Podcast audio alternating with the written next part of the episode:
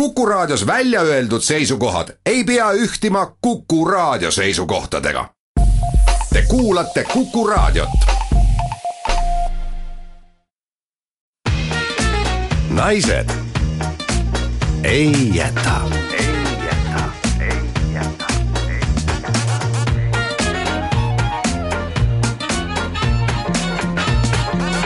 naised ei jäta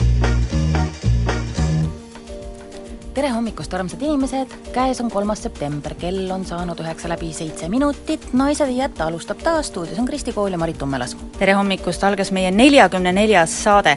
meil on hea meel tõdeda, et eelmine saade tõi meile hästi palju uusi sõpru Facebooki, tundub, et eh, teemad, mida me käsitlesime, nagu presidendivalimised eh, ja telefonimüük, läksid inimestele korda. me oleme kuidagi tabanud ära, mis inimesi huvitab, näiteks nagu presidendivalimistega panime täiesti pihta. täiesti, inimesi praegu see väga huvitab, meid huvitab see ka jätkuvalt tegelikult väga, noh, meie, meie teame, et meie kandidaadi ennustasid äädikakärbsed ja me lihtsalt jääme jälgima, kas see lõpuks ka nii läheb, aga kuna Riigikogu sellega hakkama ei saanud ja praegu oodatakse valijakogu kogunemist, siis me tahaksime hirmsasti sellest osa võtta muidugi. me tahaksime tohutult sellest osa võtta, sest me ei ole seal osalenud. jah, me tahaksime ära teha need asjad, mida me elus pole teinud, üks neist asjadest on osalemine valijakogus, et kuidas saaks, me peaksime kuskile volikokku minema. jah, et, et siin ka meie pöördumine, et kui kellelgi on puudu kaks valija mitte meest, vaid valija inimest. valija inimest. siis äh, kirjutage meile, joonistage, helistage, et me hea meelega tuleme ja aitame teid hädast välja. meil on ja. selleks öö, äh, omad, omad vahendid. omad vahendid, et me võtame oma kärbsed kaasa. äädikakärbsed võtame kaasa. ja, ja tegelikult kogu aeg räägitakse mustast hobusest, et äh, mõtlesime Kristiga, võtame ka musta hobuse ise kaasa. ja vaatame, kas äädikakärbsed valivad hobuse. jah, et selline väike agrieksperiment Estonia saalis, et, et kes tahab, tuleme appi, teeme ära. just nimelt meie saade tuleb äh, kooliteemaline loomulikult ja õnnitleme ja tervitame kõiki, kelle algas koolitee, olgu ta siis õpetaja või õpilane, aga me ei, selles saates väga sellisest lastekoolis käimisest ei räägigi, eks sellest ju räägitakse. Ja eks jah, see ei ole lastesaade ka üldse. see ei ole lastesaade, noh, lastest võime rääkida ka, aga et kõik vanemad, kelle lapsed käivad koolis, teavad ise, et kui keerukas see on, et juteriie ja siis ja, on spordipäev ja. ja siis on vaja seda, meie räägime täiskasvanud inimestest ja esmalt räägime juttu Anu Purrega, kes korraldab Tallinnas Hopneri maja majas kursusi täiskasvanutele, kus õpetatakse näiteks seda, kuidas ilusasti värvida ja ilusasti kirjutada. ja siis tulevad talgud oh,. jaa, sest kooliaasta algas äh, vanasti äh, maapiirkondades, näiteks Rakveres, kust mina pärit olen, alati kartulivõtuga. kõigepealt oli aktus ja järgmine päev juba meid suunati põllule me võtame kartuli üles. sellepärast ei mindud otse aktuselt, et vahepeal tuli kodus lihtsalt Just. riided ära vahetada, et muidu oleks olnud otseminek. see on ka põhjus, miks meie Maritiga oleme täna tulnud tööle dressides. jah, kõik, kes vaatavad praegu meie ja. telepilti interveebusest, siis näete, et meil me oleme dressid. dressides, meil on ka kummikud, kummikud kaasas, kaasas., kummikud on kaasas, armsad inimesed, et meil läheb täna kõvemaks talgutööks ja siis teises tunnis me läheme külla väga toredasse kooli, Rapla täiskasvanute gümnaasiumi ja see on nii populaarne kool, et sinna tahavad tegelikult minna päevakooli õpilased, kes tegelikult võiksid oma koolis rahulikult edasi käia, aga sinna julgevad minna ka neljakümnesed inimesed ja kooli tulemused on väga head. me ajame juttu õpetaja Kristi Luigega, kes räägib, mismoodi see kool toimib, kas sinna veel mahub ja teises eh, pooles on meil vestlusring ning see on kooli õpilaste ja vilistlastega. jah, et ei oleks ainult ühekülgne õpetaja jutt, et oi, meil on nii hea kool ja kuidas meile kõik tahavad tulla, küsime õpilaste käest, et kuidas selle asjaga tegelikult on. nii, nüüd on see koht, kus me peaksime panema muusikapala ja teate, me räägime nüüd ära ka. ausalt? jaa, ausalt, kuidas on, sest teate, me armastame väga rääkida, nagu te olete aru saanud, ja siis me oleme alati hädas, et kuidas leida siia piisavalt lühike muusikapala, et lehetutvustustele jääks ruumi oleme näinud vaeva, oleme proovinud leida lugusid, mis on minut, kaks minutit, aga sellegipoolest me oleme alati hoomanud, et me ei jõua lehtedest puudu. rääkida ja. kõike seda, mida me tahaksime teile lehtedest ette lugeda. aga nüüd me leidsime täiesti geniaalse pala, see on Oreli poisi laul ning me kuulamegi laulu Tauno pildistab kaminapuid. Tauno pildistab kaminapuid, kaminapuid. jah vot selline ilus, konkreetne, lühike kuule, see oli ikka natuke liiga lühike. veits liiga lühike või? see oli ikka natuke liiga lühike. no äh... samas, mis me saame teha, on see, et me kuulame seda lugu veel ühe korra, et siis on natuke nagu pikem. kuulame veel üks kord. Tauno pildistab kaminapuid, kaminapuid. Väga hõrgult komponeeritud muusikapala, me võiksimegi seda hakata igas saates mängima. jah, küll ta mahub. See, see lugu mahub selle meil ära ka. on jah see, et mahub alati ära, mulle väga meeldib see lugu. nüüd võtame ajalehed. Ja Eesti Päevaleht oi, Eesti Päevalehes on alanud nunnu konkurss, ehk siis lugejad saavad oma köögiviljadest saata Päevalehele pilte. Ja siin on pilt kõrvitsast äh, kommentaariga sina külvad, mina lõikan ja kõrvits on väga suur ja sättinud ennast ka teisele poole traataeda ehk laiutab toredasti naabri oota, kas see kõrvits kasvas nagu läbi aia konkreetselt? Ja Pool on sinu aias, pool naabri aias. Vars on ühes aias, kõrvits on teises aias, aga nunnu konkurss on väga hea, sest meie Priit Poki nimelise katseaia esimesed viljad, oi Marit, kui piinlik. see ei ole üldse piinlik, sest tegu on nunnu konkursiga ja meie kasvasime, külvasime, lõikasime, nüüd on meil see käes, minu käes on üks kena punetav paprika, ütleme nii, et fotode peal ta tundub turskem. ma mõtlesingi, Marit saatis mulle vahepeal fotosid ja ma nii rõõmustasin, täitsa normaalsed paprikad on küljes, aga täna, kui ta selle kaasa võttis, no ta on punane, see asi ta on seegi. punane ja ta on väga nunnu. Sellepärast ta sobib väga hästi nunnu konkursile, ütleme nii, et ta on eh, nii tikutopsi suurune. Jah, ja selline pisike paprika ja meil on siin kogemata täiesti kaal kaasas. Ja ma kaalun selle paprika ära, see on meie nunnu konkursi paprika. Noh, ta kaalub noh, kui ma ei hinga, siis ta kaalub nelikümmend üks grammi. ja ma võin öelda, et see on täiesti mahepaprika. jaa, seda küll. sest ma absoluutselt ei pritsinud teda mitte millegagi. võib-olla oleks pidanud, aga no millega ma teda pritsin? igatahes meil on vist paar sellist veel tulemas või Meil veel väiksemad või? veel väiksemad, Veel väiksemad, ja, jah. ja ma mõtlesin järgi, et millest see nende selline kidurkasv no., see on, kõik on positiivse eeskuju puudumisest. Nii. sest see paprika kasvas mul magamistoas oi, no siis muidugi. noh, tal ei olnud seletab peal šnitti võtta. et, et järgmisel aastal, kui me hakkame kasvatama köögivilju, siis ma usun, et neil peab olema positiivset eeskuju, et ma hakkan neile näitama suurte paprikate pilte mm, Mhm, mhm. kapsaste pilte, Ja, ja, porgandite ja, pilte, ja. et nad teaksid, sest et kui sa üksinda kasvad kesklinnas aknalaual, kus sa tead, milleks sa pead kasvama magamistoas ka veel, sa võid üldse segaduses väga olla. tihti on see, et räägitakse, et lapsed lä- läksid pätiks, sest Jah. neil puudus positiivne eeskuju, et keegi ei näita, kuidas hüpata kaugust, kuidas tikkida konna, et vot see paprikal lihtsalt oli selline kasvu eripära. imeline, ei nunnu, nunnu. on ta küll. tõesti on nunnu. seda ei raatsi äragi süüa. muidugi ei raatsi. ma võtan lehe. Jah. minu käes on loomulikult Õhtuleht ja Muidugi. muidugi, See on meie lemmikajaleht. lemmikajaleht. ja siin on äh, selline artikkel, et rahvasaadikud pitsi ei sülita.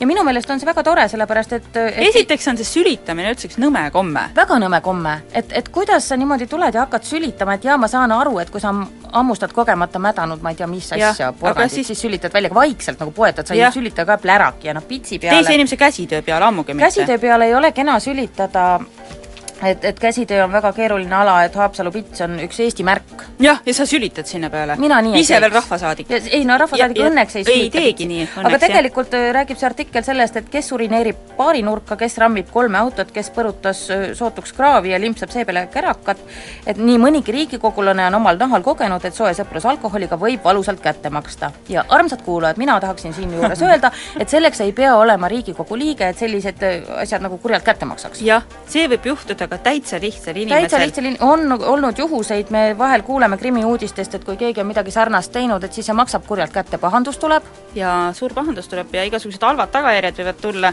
nii et eh, loo moraal, ära sülita eh, Pitsi peale. pitsi peale, aga samas ära joo jah, ja sõida, ei. jaa. Nii, siis eh, Päevalehes eh, veel, vot minul on, hakkab juba natuke saama tead eh, villand nendest artiklitest, mulle tundub, vaata klooster on jube põnev koht. noh, sest sinna nagu kogu aeg ei pääse, eks ju iga päev ei saa, jaa jah, iga päev ei saa ja seal päriselt nagu ei ela meie, eks ju, vähemalt. ja siis mõnel ajakirjanikul aeg-ajalt tekib juba põnev, et läheks vaataks, mis on kloostris. no siis ta läheb niimoodi üheks ööks võib-olla kohale, siin antud juhul on kaks päeva inimene olnud kloostris ja siis kirjutab sellest artikli. nõrk. nõrk, teeme nii, et kui keegi veel kloostrisse läheb, olge kauem, olge kauem, noh. aastake võiks vastu pidada. siis võiks juba hakata rääkima, et, et samamoodi on see, et kui käivad äh, ajakirjanikud nii-öelda sõjaväes, lähevad kohale, teevad kuus pilti, söövad kausitäie suppi ja ütlevad, et täitsa, täitsa okei jah okay., selline on ajateenija elu. ei ole, mine mutta. mine rooma natukene, saad teada, saad maitse suu ja, ja veel tuli mul üks mõte. noh, mingi nädalapäevad tagasi ma lugesin lehest, oli selline reklaam et kuhu minna nagu perega ja, ja, ja siis oli selline ahvatlus, et eh, lase ennast vangi panna ja vaata, kas sa suudad sealt välja murda. selline meelelahutus. teeks ära.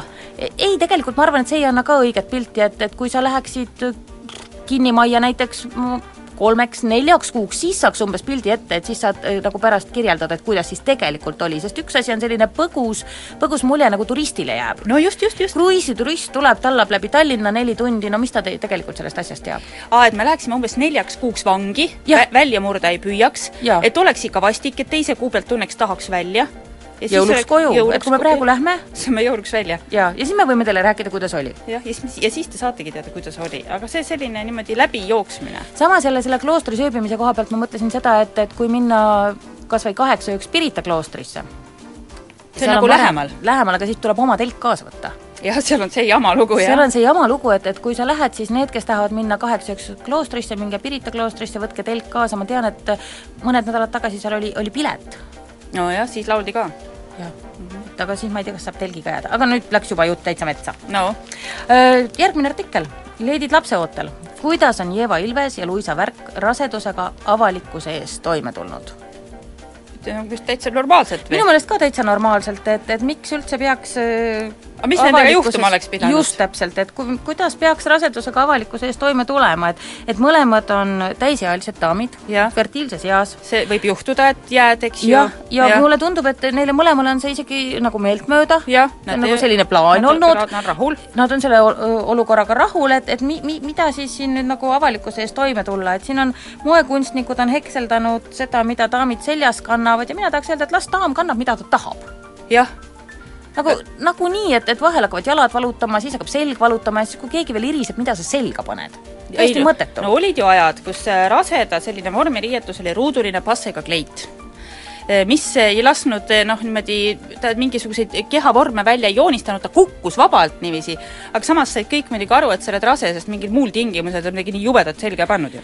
absoluutselt, need olid kohutavad halatid ja siis, kui mina oma esimest last ootasin, siis oli võimalik juba kusagilt hankida endale traksidega teksapüksid. no ja see oli kõva no sõna. nii, minul oli selline unelm, kuna ma olin neid teksapükse kandnud, ma pakun välja üks viis kuud järjepanu nonstop iga päev ja siis, kui püksid olid pesus, siis ma ei käinud kusagil No jah, midagi muud selga kodus. ei mahtunud. mul oli selline mõte, et, et kui ma ära sünnitan, et siis ma lõikan need teksapüksid sellisteks pisikesteks helbekesteks ja, ja puistan sünnitusmaja aknast välja.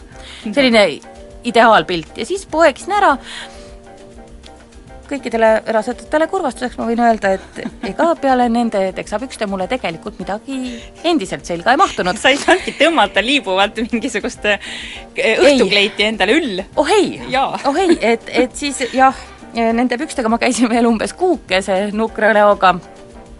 nii on ja aga, aga samas ära ei jälle lõhkunud neid. Tegelikult pärast neid tuleb anda järgmisele rasedale edasi, need on väga head püksid. et aga avalikkuse ees toimetulek, et ma ei tea, et mis, mis need daamid siis peaksid tegema, et keerama endal Kõhu selja taha. selja taha või, või varjama, ma, ma ei.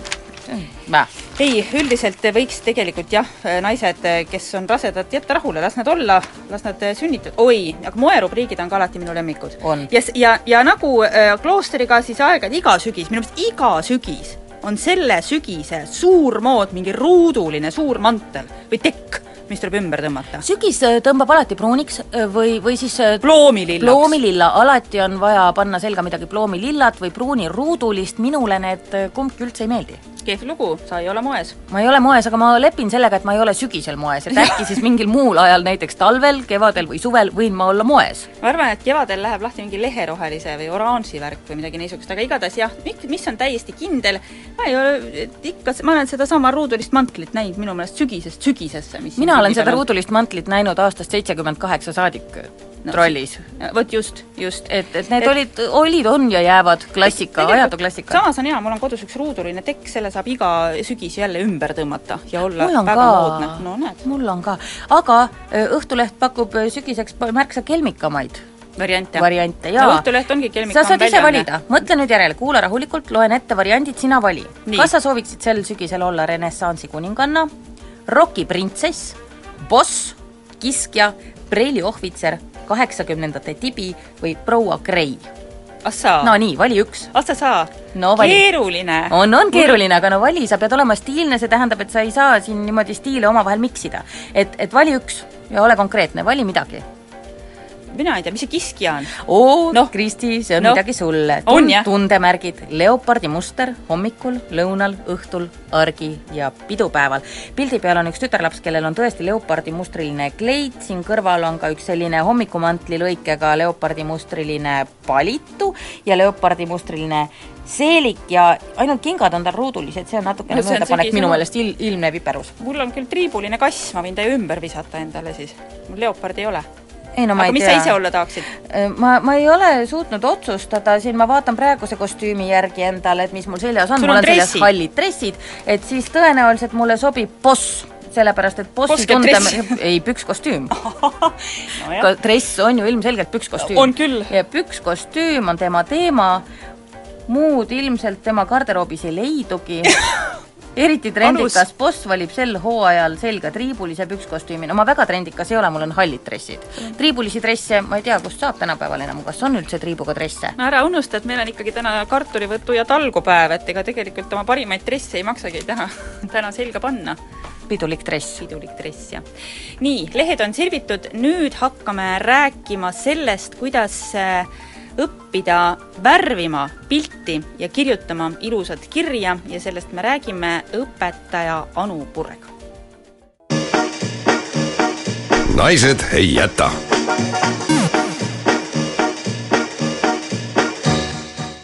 septembrikuu esimeses saates oleks loogiline rääkida õppimisest ja õpetamisest ja me räägimegi, aga me ei keskendu niivõrd selles saates lastele, kui tegelikult täiskasvanutele, sest õppida võib ja tegelikult võikski hästi kaua, kogu aeg, sest et eh, nii palju põnevaid asju on olemas.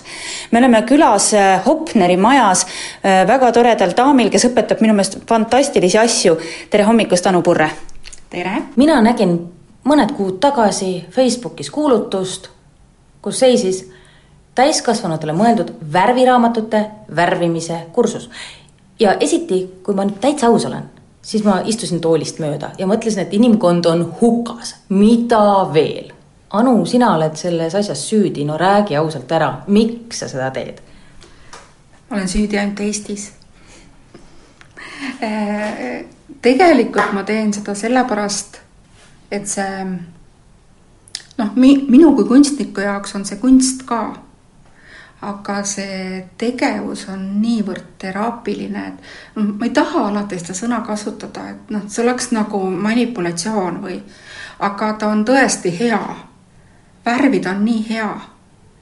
ja kui kunstnik sulle poolel teel vastu tuleb, et ta sulle isegi need äh, kontuurid mingil moel ette annab, et siis sa ei karda ka seda nii palju, noh kui sa oled lihtsalt äh, inimene, kes iga päev ei värvi, aga mind rahustab see täielikult maha. aga see, et kuidas minuga üldse see kõik juhtus, ma võin rääkida, ma ei ole seda varjanud, et mul oli, mul oli väga suur depressioon mingid aastad tagasi. ja ma sõitsin selle depressiooni eest Rootsi korraks ja avastasin seal äh, muuseumis ühe ilusa laheda sketšbuki kus olid mingid vabad joonistused peal. ja üle pika aja jälle joonistasin ka ise. et muidu ma olen metoodik ja kuraator muuseumis juba Kumus ja Eesti Kunstimuuseumis tükk aega. ja ma hakkasin seda tänu sellele sketšbookile hakkasin rohkem joonistama ja mida rohkem ma joonistasin, seda parem mul hakkas mida rohkem ma värvisin, seda parem mul hakkas ja ma võin tunnistada, et see aitas mind äh, kuidagi, sellest depressioonist aitas mind kindlalt välja. pärast ma juba tegelesin äh, vabamalt ja muudel eesmärkidel ka, aga ega ma siis ei teadnud seda veel.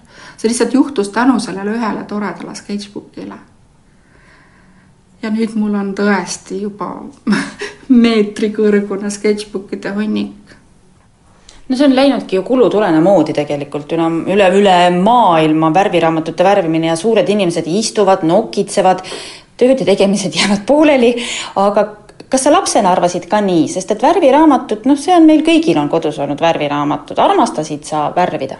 jaa, ega mul neid väga palju ei olnud. aga ma mäletan mingisuguseid lehti, selliseid nagu heleda papi peal, millele sai veel eh, tikkida servad. see mulle nii kohutavalt meeldis. ja, ja ma ise tegin pabernukke ja, ja värvisin ja tegin kõike seda, kuigi vahendeid ju siis ei olnud väga palju. kui meie olime lapsed, siis hea värvimise tehnika näitajaks oli see, kui sa ei värvinud üle piirjoonte. su värvitu oli kõik väga ilus ühtlane nagu trükipilt. kas sina õpetad inimesi täpselt samamoodi värvima? ei. ma õpetan üle ääre värvima ja ma õpetan seda ka, kuidas saab servast servani ja, ja mida saab selle kahe serva vahel teha. et, et kui sa tõesti tahad seda servast servani teha, et siis see protsess on huvitav. et sa lihtsalt ei võta seda pliiatsit või mina kui Vildika fänn võtan väga palju vildikaid, kasutan. et, et see seal kahe pinna vahel on nagu nii võimaluste maa tegelikult. vot selleks ongi vahel vaja nippe. aga sina jätsid toolist kõrvale, sellepärast et, et tundus, et okei okay,, et mis seal teha on, eks võtan pliiatsi ja tundubki esialgu, on ju. aga siis, kui nad tulevad kursusele, avastavad, et jess väga palju asju on võimalik teha seal. ma võin küll, vahel see rahustab isegi, kui sa äärest ääreni teed. see oleneb, mis tüüp sa oled. ma just tahtsin küsida, et kas erinevatel inimestel on erinev värvimisstiil või kas sa oskad värvipildi järgi öelda, millist tüüpi on see inimene, kes on selle ära värvinud? jaa miks ma hakkasin kursuseid tegema sellele, noh, esiteks ma olin need raamatud välja andnud ja mul on see Facebooki lehekülg, kus need inimesed, kes värvivad, saadavad mulle nendest samadest kontuuridest äh, erinevaid lahendusi, siis ma saan kohe aru, mis inimene on.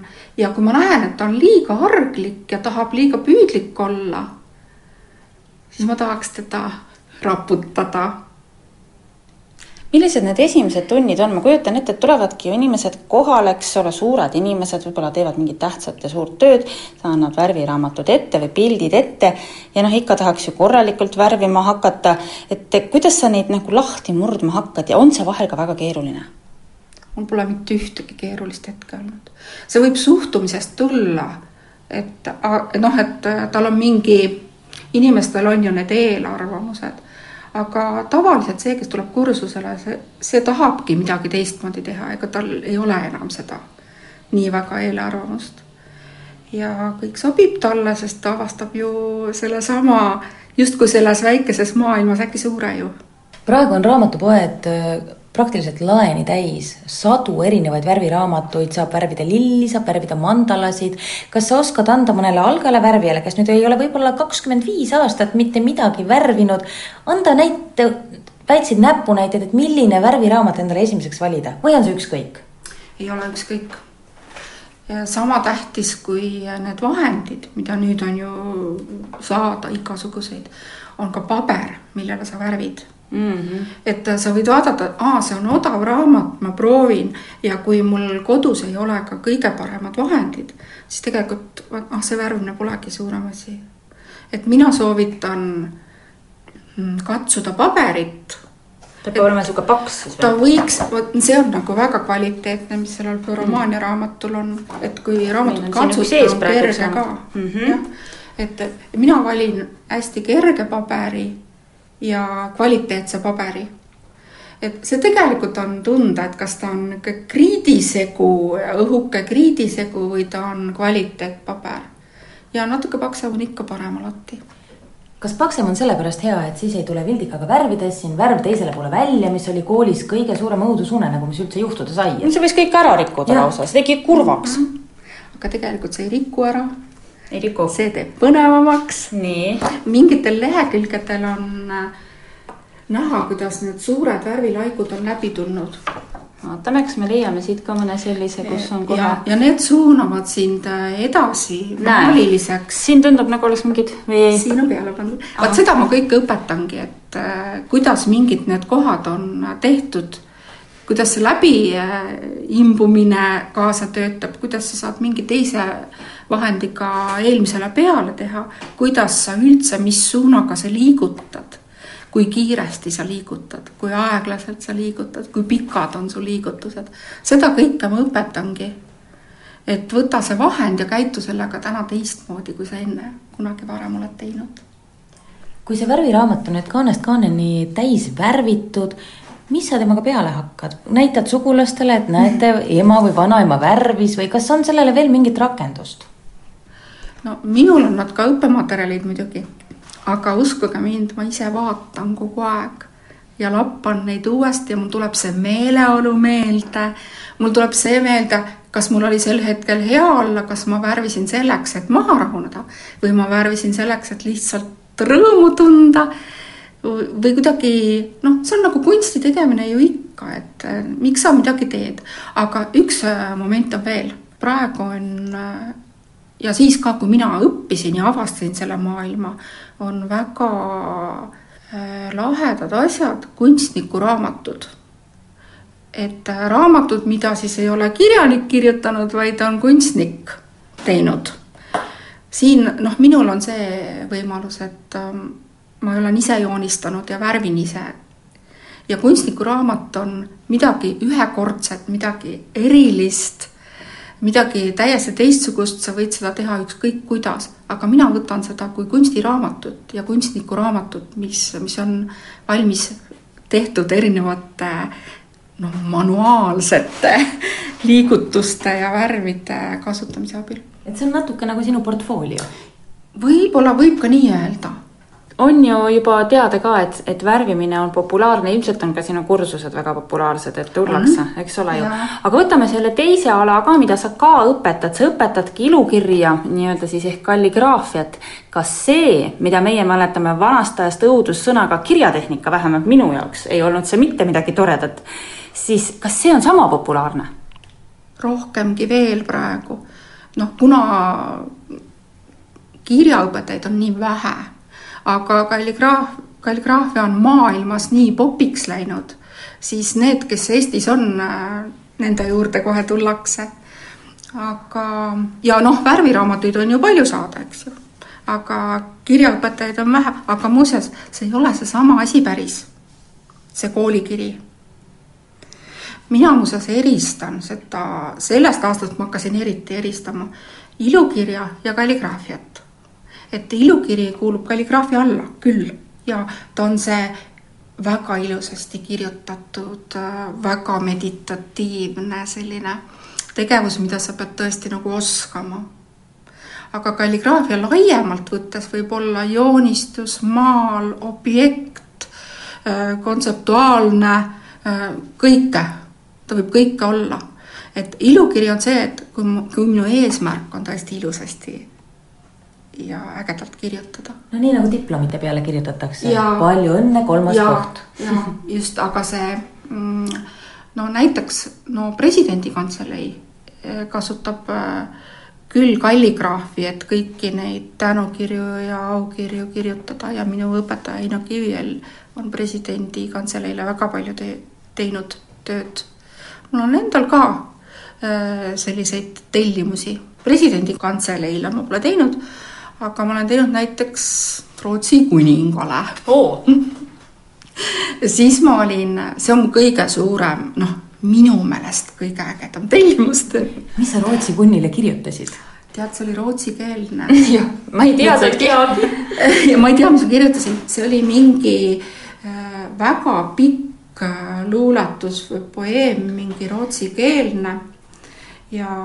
kaua läks? Kaua ahah, sassi ei läinud vahepeal või sa ei saanud ju, ei saanud minna ju sassi? sassi minema, kui midagi sassi läheb mm, -hmm. siis see kasutatakse il-, noh, nagu kujunduses ära. et näiteks keskajal, kui võis midagi sassi minna, sa tegid sinna iluriba. või väike rästik. jaa, oi, need keskaegsed illustratsioonid. esiteks ägedad vahel natuke ropud ka.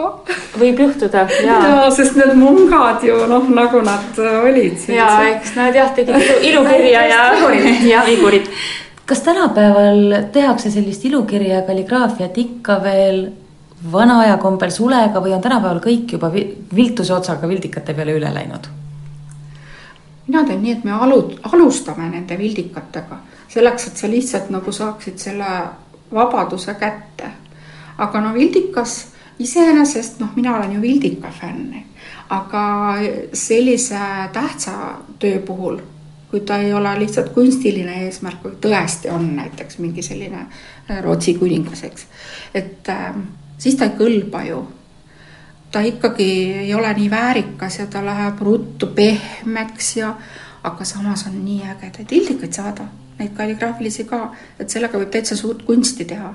aga väärikas on ikkagi siis see sule ja dušiga kirjutamine, et kui sa tõesti tahad sellist pidulikku tulemust Need inimesed, keda sa õpetad, no nagu sa ütlesid, et värvimise koha pealt sul probleeme ei teki, kõik murravad raamidest välja, kokkuvõttes igaüks saab teha ju ägeda pildi.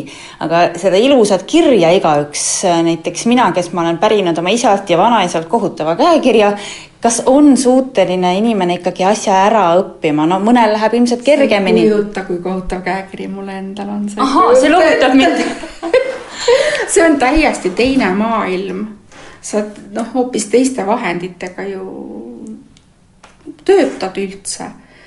et praegu, kui ma ise ka ju olen hästi palju muidu, noh, ma teen ju tööd arvutis, siis mu tavaline käekiri, et, et see õnnestub mul siis, kui ma igale tähele mõtlen. keskenduma ikkagi peab. jaa, et mul ei tule see enam, noh, minul ka ei tule enam niimoodi, nagu me võiksime seda ilusat seotud kirja teha, nagu meil koolis õpetati. kas sinu kursused äh, on juba alanud, kas me saame täna inimest... hakkasid. täna hakkasid, aga kui keegi nüüd tahaks veel liituda? ma ei tea, kas praegu mahub mm, -hmm. aga alati ma olen võtnud reservi, et kui keegi jääb ära, ma ei taha neid gruppe nii suureks ajada, et ma ei jõua nende kõigini. no võib-olla üks-kaks mahuvad aga ma teen ka lühikursusi vahel, need, mis praegu, millest me praegu rääkisime, on, kestavad terve aasta ja isegi mitu. Need, kes, kes nagu ei tea täpselt veel, mis nad tahaksid, võivad võib-olla esialgu lühikursustel ära käia, kuigi seal nagu saab ainult aimu aitäh, Anu, niisiis Anu Purre värviraamatuid võite otsida ja värviraamat Floromaanidel on Facebooki lehekülg, kus ühest lillepildist on kümneid erinevaid ilusaid värvilisi versioone. kui tahate, tehke oma versioon ja lisage sinna. aitäh, Anu! kord õige ammu, kullapai, kui maailm alles valmis sai, ta oli värvimata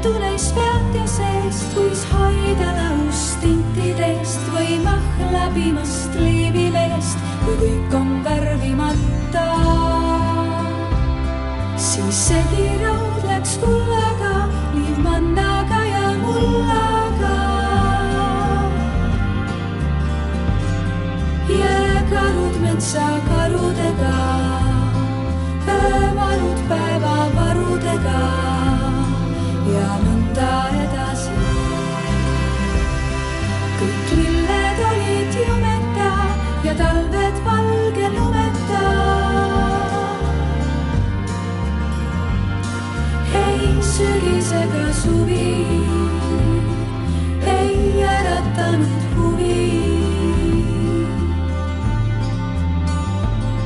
jäid viljad, marjad värvetuks ja lapsed lausa närvetuks, kõik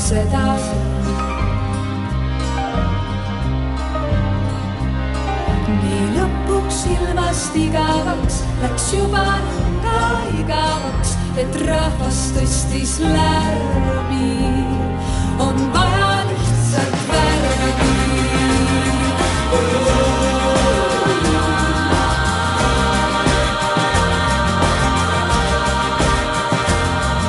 See pole mingi õige ilm, kus sees ei võta ükski silm, ei jää metsakaru, ei öö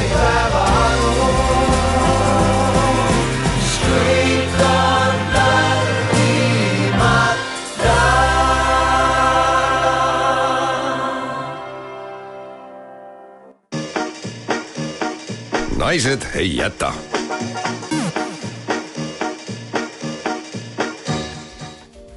kell on üheksa nelikümmend neli, täiesti õige aeg, et hakata kartulit võtma. tuleb võtta väike kartul. kas ma nüüd võin ausalt ära rääkida, nii nagu sellega asi oli? no võiksid küll, võiksidki, võiksidki aus olla siinkohal. siinkohal olen aus. juhtus selline lugu, et minu kodus oli üks väga kurb kartul, ta oli üksildane mm -hmm. ja ta juba hakkas põgu- põgusalt idutama mm -hmm. ja, ja minu süda läks hellaks. mõtlesin, annan talle uue võimaluse. panin ta lillepotti maha. ja nüüd ta on niimoodi siin sirgunud, võrsunud, kui Jaa. nüüd kõrbiseb ilusasti, ta äh, hakkas lõppeks äh, närutama veidi no ei, nad lõpuks hakkavadki, nii et ma arvan, et, et ühesõnaga algus on sul tehtud, aga me ei tea, kuidas osutus, no milliseks osutub saagikus. ma olen veidi mures, sest et eh, nagu te olete aru saanud, head kuulajad, siis meil see selline mm, agrikultuur ei ole tingimata meie rida. Priit Poki nimelisest katseaiast on meil üks nunnu paprika, veel mõned nunnud paprikad, mis veel valmis ei ole ja siis tomatitega on seis.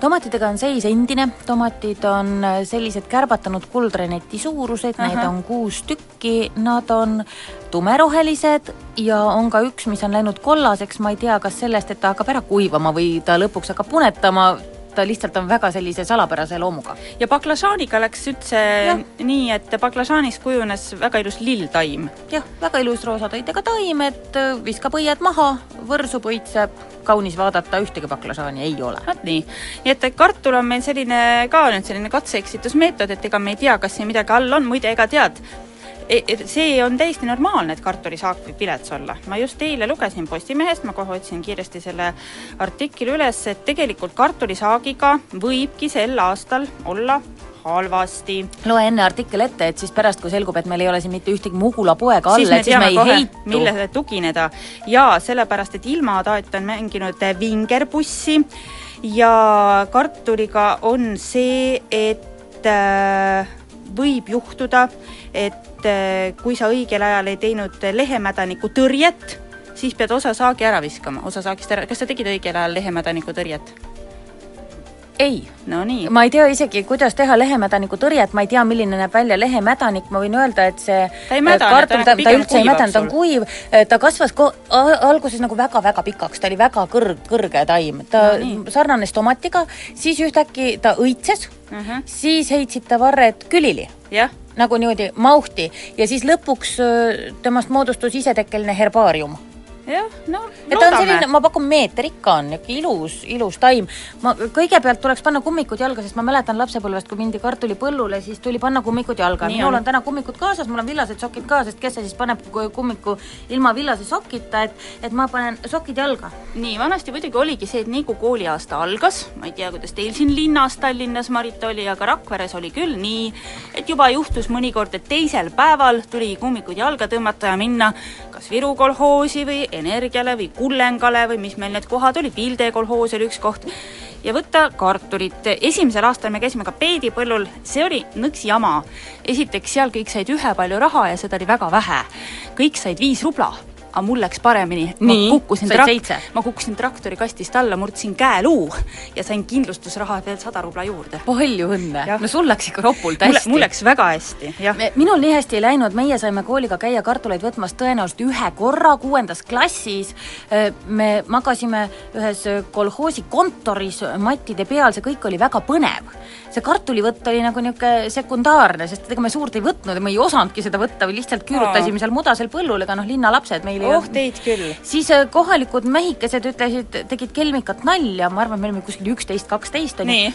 ütlesid, tüdrukud, vaadake, et te traktoristi alla ei jää. Me, me ei saanud nagu üldse aru, et arvan mis, mis, mis, mis, kas need inimesed kukuvad otsa me, teile? me üldse nagu ei saanud aru, hiljem ma, aastaid hiljem hammustasin läbi, et mi-, kui kelmikas nali see oli, täitsa õudne hakkas. ja, ja no me käisime veel eh, keskkooli osas ka või noh, siis gümnaasiumi osas, et eh, siis võib-olla oleks see nagu asjakohasem olnud, traktoristid olid niisugused noored kelmikad mehed küll. ilusamatel tüdrukutel nad aitasid ka vagu puhtaks lükata, mina nende kategooriasse ei kuulunud küll kunagi, ma pidin ikka ise rabama vaene tüdruk. aga ei, muidu tegelikult põllul mulle väga meeldis, mulle, minule tööd teha meeldis, vagu lükati lahti, korjasid oma maa ilusasti puhtaks, võileivad olid ju kaasas. muidugi. sellepärast, et vahepeal tuli süüa, meie võtsime ka võileivad kaasa, need on kenasti kilekotis ja mul on hõbepaberis nagu mul on minul on jälle pandud äh, sellesse leiva kilekotti, et äh, mul fooliumi ei olnud mm. -hmm. jah. et ma panin leiva kilekotti, millega sul on? Mul on äh, juustu ja lihapalliga. mul on juustu ja hapukurgiga, et, et pärast, Pärast vahetama. vahetada ka, et see oli ka kartulivõtu puhul üks olulisemaid asju, et mis söögiks on Just. ja millal on söögipaus. et me teeme ka äh,, tänane plaan on meil selline, et me kõigepealt ajame vao lahti, siis oleks paslik teha üks väike lõõgastuspaus. juba siis või? Vagu, vagu on lahti, siis kohe sööme no,, sööme ühe võileiva ära. sööme ühe võileiva ära. nii, aga selleks, et vagu lahti tuleb, paneme traktori käima. traktorit meil ei ole stuudios, aga, aga Rando paneb traktori käima. nii. tundub veenev. tuleb, näed, kuuled? keegi auguks tead, ega ta nüüd veenev küll ei ole. see, mis vagu lahti ajas, tegi mõnevõrra teist häält. See oli te- põga, põga, põga, põga, põga, põga, põga, põga ja siis kaugelt nägid, jah just, kaugelt nägid, et tuleb kuripatt jälle jälle hakkab pihta. Aga no mis sa hädaga ajad, teed? tead, Kristi, ajad on muutunud. Ajad on nii palju ajad muutunud. nii palju edasi läinud, et ega ka traktori hääl on läinud teistsuguseks. no ma arvan küll. aga tegelikult mul, ma alles nägin, kuidas üks, üks tuttav otsis eh, põldu, kuhu minna kartulit võtma, see on tänapäeval muutunud täiesti niisuguseks rariteetseks asjaks, tead. Iga, igaüks tahab minna kuskilt natuke kartulit võtma, me oleme õnnega koos, et meil on see, nii, oota, mis sa nüüd, sa tahtsid juba võileiba süüa? ei, ei, ma mõtlesin, et nüüd on vagu lahti või? vagu on mängult lahti vagu on lahti no, hurraa! ma ei tea, mul on see dilemma minus on see, et kui ma praegu panen käed mulda, siis mul on käed mustad ja ma ei saa süüa võileiba. vaata, see on see kultuurne inimene minus nagu tõrgub kartulit võtmast hetkel, et sööks enne ära. Et ma, ma võtan ampsu No võta ja siis amps, võtame jah, kartuli üles, tegelikult üles, on põnev see, et ma võtan ühe ampsu võileiba no., on paras pausikoht, aga, aga ma usun, et see on Kuku raadio stuudios üks esimene kartulivõtt. võib juhtuda. kuidas läheb, Kristi, mis sa arvad, kuidas sa kirjeldaksid meie kartulivõttu? omapärane mm. -hmm. eks me kuuleme uuel nädalal kõrgemalt poolt, mismoodi see vastu võeti. loodame kuulajate toetavale suhtumisele. nii, oli Nii. väga hea võileib mm. -hmm. no nüüd ma hakkan sikkutama, ma panin selle tänase moenõuande ka ajalehe siia alla. Meil on neid veel, me selles mõttes. meil on veel mm. -hmm. et, et siis, kui keegi teine tahab veel lugeda, ärge muretsege. et ma olen mõnevõrra mures, see pott on väga suur. pott on suur, ma hakkan sikutama. ma näen midagi. kartul meil on terve kartul, ta on ise kasvanud. Kas see on ainus? ma ei tea, ma pean siin sobrama, varred tulid ära täiesti ise. noh, peaasjad ikka lükati ära. kuule, ma no. hakkan kartuleid kaaluma, ma võin kaaluma, rääkida kommenteerida meie saagi kohta. ma pistan käes ja siis äkki midagi on ikka veel või? või ei ole no, lootustki võid panna muidugi. null, nii. meil on kahekümne kahe grammine kartul. oot, oot, oot, oot, oot. tuleb veel või? tuleb, tuleb jah. ossa püss! No ma suurusjärgi ütleks, et noh, nii hull ei ole, aga näiteks selline pisikene tore kartul. kuule, meie kartuleid on juba Kaks. peaaegu sama palju kui paprikat, me võime Oota. teha fifty-sixty siin mingi pajaroa. nii, veel iga järgmine on väiksem. Aina väiksemaks läheb. sõstra suurused kartulid. kuule, aga on, ma näen veel kartulit, kuule, mul siin tuleb, saak on üüratu lausa. saak on üüratu, oi veel üks, see ei ole kartul, see on kivi. kiv, kive tuli ka vahel kasti panna, siis sai nagu täita suuremalt ära. palju ei tohtinud panna, siis jäid vahele, vaata kastikorje. kuule, kas meil on? tõesti kuus kartulit või? no, oota, ma otsin veel. käed on ropult mullased, mis- üheksakümmend kaks grammi, kuule siit tuleb sada grammi tuleb kindlalt ära. jah, sada grammi kartulit. sada kaksteist grammi huvitav, meil need kõik nii praegu. väikse, mis sort see sul oli üldse, mis sa maha ma arvan, et see on see toidupoest ostetud äh, kartul, kas Gala või Laura, noh, mis ta muu mul ikka sai kodus Laura olla., Laura punane ei ole või? ma ei tea ka. ma ka ei tea, oota, kas tõesti rohkem meil ei ole on punane, eks ju, jah. kartul, kartulid on nüüd läbi või? otsi ka nüüd. ma otsin, otsin, ma ei tea ühtegi kartulivõtjat, kes niimoodi oleks kartuleid võtnud. meil on traktor ainult taustaks, no mis sa teed, noh. noh. Ongi kogu lugu või? ma arvan küll jah, see on, meil on sada kaksteist grammi kartuleid. tuleb üks äh, selline taljase töödeldud talv. Jaa, need on kõik väga sellised head kaalu jälgimiskartulid, et ähm, ilusad, väiksed. ei, ilusad on küll, kusjuures kui on mingisugune gurmee, see mingisugune koht, eks ju mm, -hmm. siis välja näevad nad sellised väiksed õrgud ümmargused armsakesed, nagu meie nunnu paprikagi. kas äkki me kas-, kasvatame ka miniköögivilja või midagi niisugust, ma sellepärast arvan, et miniköögiviljad on kallimad. Neid tasub kasvatada. beebi, need on beebikartulid. Need on beebikartulid, aitäh, meile anti praegu kätepuhastuspaberit, meil on siin väga hea on kartuleid võtta. jaa, hullult mullane on, aga ega võileiba ei sööks ikka veel praegu. no vot, seda ma ütlesingi, et hea, et me võileiva enne ära sõime. meil on sada kaksteist grammi kartulit, ma usun, et kui see on mahekartul mm -hmm. ja ta on äh, beebikartul, ta on värske kartul, ta on ise kasvatatud, no ma ei tea, mis selle kilo hinnaks võiks olla. ei no siit põrutame ikka otse Nõmme turule ja lööme leti püsti.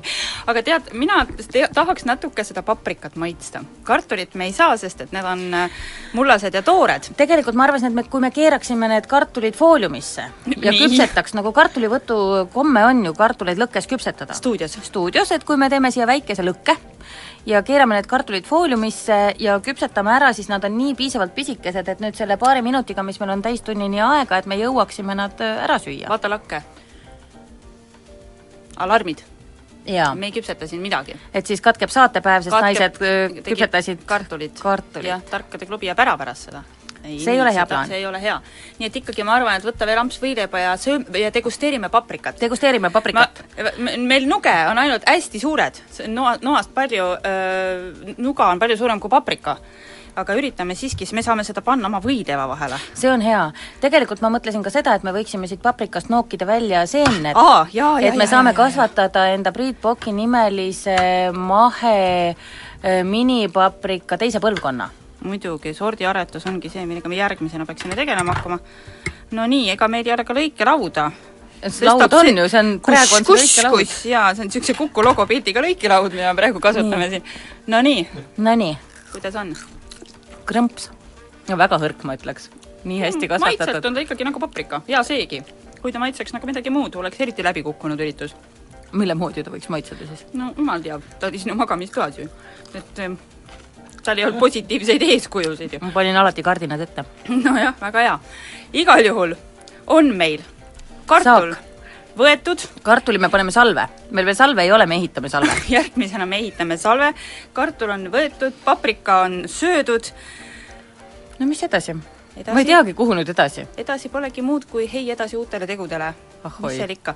igal juhul, äh, kui kellelgi on mingisuguseid kartulipõllu meenutusi, siis me paneme loomulikult albumi ülesse. meil paprikapilt juba on Facebookis üleval. jah, kes meil meie, meie Facebooki lehel ei ole, siis minge sinna kindlasti. Viimane aeg. on- viimane aeg, viimane aeg, sealt näeb, kuidas kartulit võtsime, kuidas Sest- paprikat saagisime, kõik on peal. praegu saab veel tulla meie lehele hullama enne, kui on kaheksasada täis. sest et kui saab kaheksasada sõpra täis, siis me ei tea, millised kas mahub enam? kas enam mahub, et vahel on, on olnud juhuseid, et saab ka internet täis, nii et kiirustage. kiirustage, olge nende kaheksasaja seas, vaadake pilte, kui teil on mingeid lõbusad lugusid oma kartulivõtu aegadest äh, või keegi äkki võtab praegugi, meiega siis, me ei tea, siis jagage oma äh, mälestusi meiega, me oleme ikka rõõmsad, kui inimesed meiega suhtlevad. nüüd me kuuleme ühe, minu meelest see on täiesti, see käib kartulivõtu juurde see on täiesti. eepiline kartulivõtu lugu. ma ei tea, eile, kui ma seda kuulasin, siis see kummitas mul läbi öö, et ma arvan, et ma näen seda ka täna öösel unes. kas sa alati peale kartulivõttu nägid kartuleid unes? loomulikult, loomulikult, loomulikult, see käib ka asja juurde. kuulame laulu ja siis on varsti juba täistunni uudised eetris.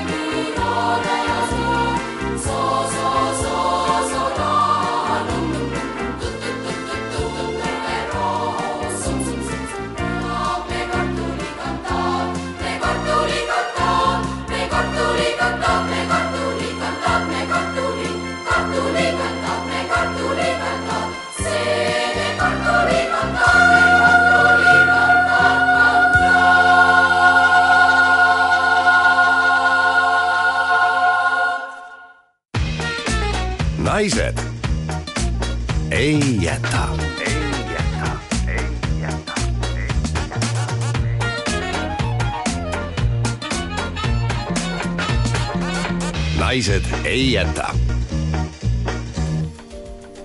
on rõõm tõdeda, et kell on saanud kümme läbi seitse minutit ja meil on Kristiga kartul juba võetud. juba võetud jah, läks nagu sipsti. kuus nagu väikest mugulat on meie saak. sada kaksteist grammi. hea, et see, tegelikult see meie töö ei ole, sest me jääksime nälga põllumees põline rikas, ma ei tea, kuidas ta seda teeb, meil see välja ei tule. igatahes meie austus kõikidele põllumeestele siinkohal väärt, väärt mehed ja naised olete. väga äge. Sest teie kartulit me sööme lõppude lõpuks, mitte seda enda oma. Enda oma sööme ära, aga siis sellest jääb nagu kuidagi kere heledaks. aga nüüd on stuudio juba korras, jätkame saadet juba hoopis äh, teisel teemal. ainult küünealused on veel veidi mullased. see jääb mõneks ajaks, nii mulle tundub. aga tundub, nagu me oleksime teinud tööd. just see jätab meist väärikama mulje. keegi ei saa öelda, et raadiotöö on mingisugune niisama lehvitamine, luhtitamine, ei ole!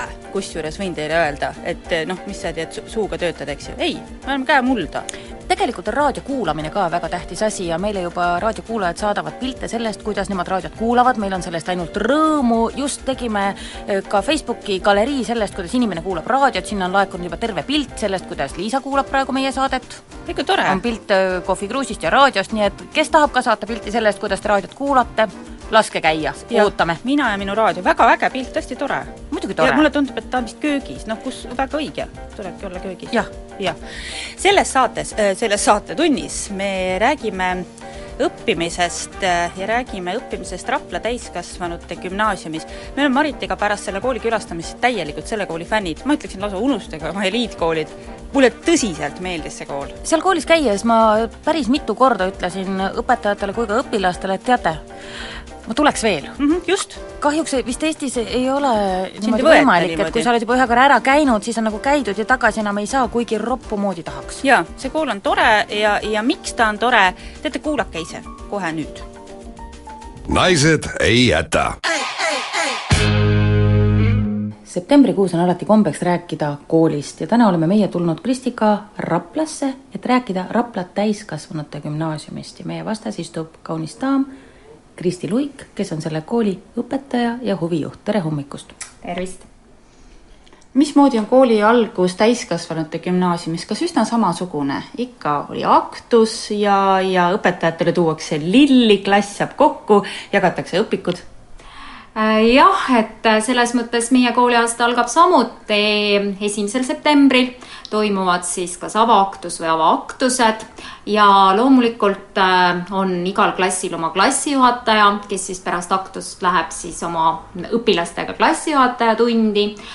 tuuakse lilli, tuuakse šokolaadikommi, et äh, selles suhtes on esimene september tõesti alati selline hästi meeldiv ja tore päev ja õpikute osas nüüd, äh, kui päevakoolis neid tõesti jagatakse, kas siis enne esimest septembrit juba või esimesel septembril, siis meie süsteemis paraku selliseid ähm, õpikuid, mida sa nii-öelda siis seljakotiga koju vead, tegelikult ei ole, et et meil on noh, meie koolis konkreetselt on hästi palju ka e-kursuseid ehk siis Moodle'is toimuvad kursused ja õpikuid on võimalik laenutada, kui sa tunned selleks tõesti vajadust, et õppematerjalid ikkagi õpetajad nagu ise siis endale sobilikud, kas siis töötavad ise välja, kasutavad mingeid materjale, panevad üles need lingid, kust midagi on võimalik saada, jaotavad neid ja loomulikult vajadusel siis jagavad ka õpikuid, et kas siis kohapeal töötamiseks või siis tõesti võid ka koju laenutada kuigi teie pealkiri on täiskasvanute gümnaasium, siis ma olen aru saanud, et teie koolis ei ole ainult gümnaasiumi osa. millistesse klassidesse te üldse õpilasi vastu võtate? Täiskasvanute gümnaasiumis siis tõesti on võimalik loomulikult äh, mitte ainult õppida gümnaasiumi osas, vaid on võimalik tulla ka põhikooli. et kui sul ikkagi seitsmes klass on jäänud kunagi lõpetamata, aga nüüd oled sa otsustanud selle valiku kasuks, et tuled taas kooli, siis see võimalus sul on, aga põhikooli osas on nüüd üks aga, et äh, kõikides täiskasvanute gümnaasiumis see seadus kehtib, et kui sa oled äh, alla seitseteist, siis sa põhikooli tulla ei saa. et põhikoolis siis sa võid tulla kuuendasse klassi isegi, aga sa, su vanus peab olema seitseteist, et see on nüüd seadusega niimoodi määratud, nii et selles suhtes me nagu mööndusi teha ei saa. mööndusi saavad teha siis ütleme, komisjonid, näiteks Rajaleidjate juures töötavad komisjonid, kes siis meile suunavad mingid teatud probleemide puhul ka nooremaid õpilasi, et tõesti kaheksandas võib õppida ka see kuueteistaastane, aga siis ta peab tulema juba sellise komisjoni otsusega ja siis me loomulikult võtame ta vastu, aga, aga muidu on seitseteist see alammäär aga gümnaasiumiklassidesse võib tulla ka otse tavakoolist? gümnaasiumiklassis jah, seda vanusemäära enam ei ole, sest äh, kui sa gümnaasiumiklassiga ütleme, üheksanda lõpetad näiteks viieteist, kuueteist aastaselt, siis loomulikult äh, gümnaasium on vabatahtlik ja, ja siia sa võid siis kohe edasi tulla, et siis sinu käest enam keegi ei küsi, et kui vana sa oled, et kas sa oled kuusteist või kuuskümmend, et siis see vanus enam mingit tähtsust ei oma no kui palju on vaja õpilasi alguses aidata, kui inimene tuleb kas kaheksandasse või ka üheksandasse, vahe on jäänud sisse, ega ta tegelikult tasemelt ei pruugi kaheksas, üheksas olla, ta on juba palju unustanud. ilmselt selle ühe klassi, võtamegi näiteks kaheksanda klassi, tase on väga erinev absoluutselt nii see on ja, ja see on alati muidugi alguses kindlasti päris, päris raske nii õpilasele kui õpetajale. et äh, siis püütakse kooliti siis äh,, koolid teevad seda erinevalt, et näiteks mingeid tasandusõppeid pakkuda, kasvõi siis sellistes põhiainetes nagu on eesti keel, matemaatika ja võõrkeel. ja, ja siis muidugi kõik sellised individuaalsed konsultatsioonid, äh, mingid sellised materjalid, millega ta saab siis kodus veel tutvuda, et ennast ree peale aidata. et jah, see on tõesti nii ja, ja, ja muidugi, eks inimesed palju ka seda kardavad, et, et mul on ju nii palju aega möödas ja kuidas ma hakkama saan, aga, aga hea tahtmise korral, et see elu on küll näidanud seda, et kõik on võimalik, et minul oli nüüd ähm, just äh, üks ähm, tütarlaps, ähm, no mis tütarlaps, ikkagi pereinimene, endal lapsed juba, kes tuli kümnendasse kolm aastat tagasi, nüüd kevadel ta lõpetas ja ta ei osanud sõnagi inglise keelt. Ja, aga samas on ju võõrkeel kohustuslik ja, ja, ja kuidagi seda sealt, et ta nüüd seda ei õpiks, ei olnud võimalik ka ära puksida, sest et keeled on kohustuslikud ja ta peab õppima kahte võõrkeelt ja siis me hakkasimegi kümnendast tegelikult sellest tähestikust ja numbritest ja peale ja, ja, ja ta sai teisi ülesandeid ja me töötasime individuaalselt ja kaheteistkümnendaks klassiks ikkagi oli ta juba võimeline istuma ja, ja olema täiesti teistega ja, ja tegema ja, ja noh, ta tegi ka inglise keele võõrkeele eksamina ja ta sooritas selle, ta sai väga hea tulemused. selles suhtes ma ütleksin, et hea tahtmise korral, et kui sa ka kodus teed ise palju tööd, tuled ja küsid ja, ja, ja soovid nagu edasi minna, et siis see kõik on võimalik. Kuidas üldse täiskasvanute gümnaasiumisse õppetöö on korraldatud, sest kui ma olen, ütleme, neljakümne kuue aastane, pean tulema seitsmendasse klassi, siis on mul elus ju nii palju kohustusi, ma pean maksma üüri, ma pean oma laste eest hoolitsema, ma pean käima tööl,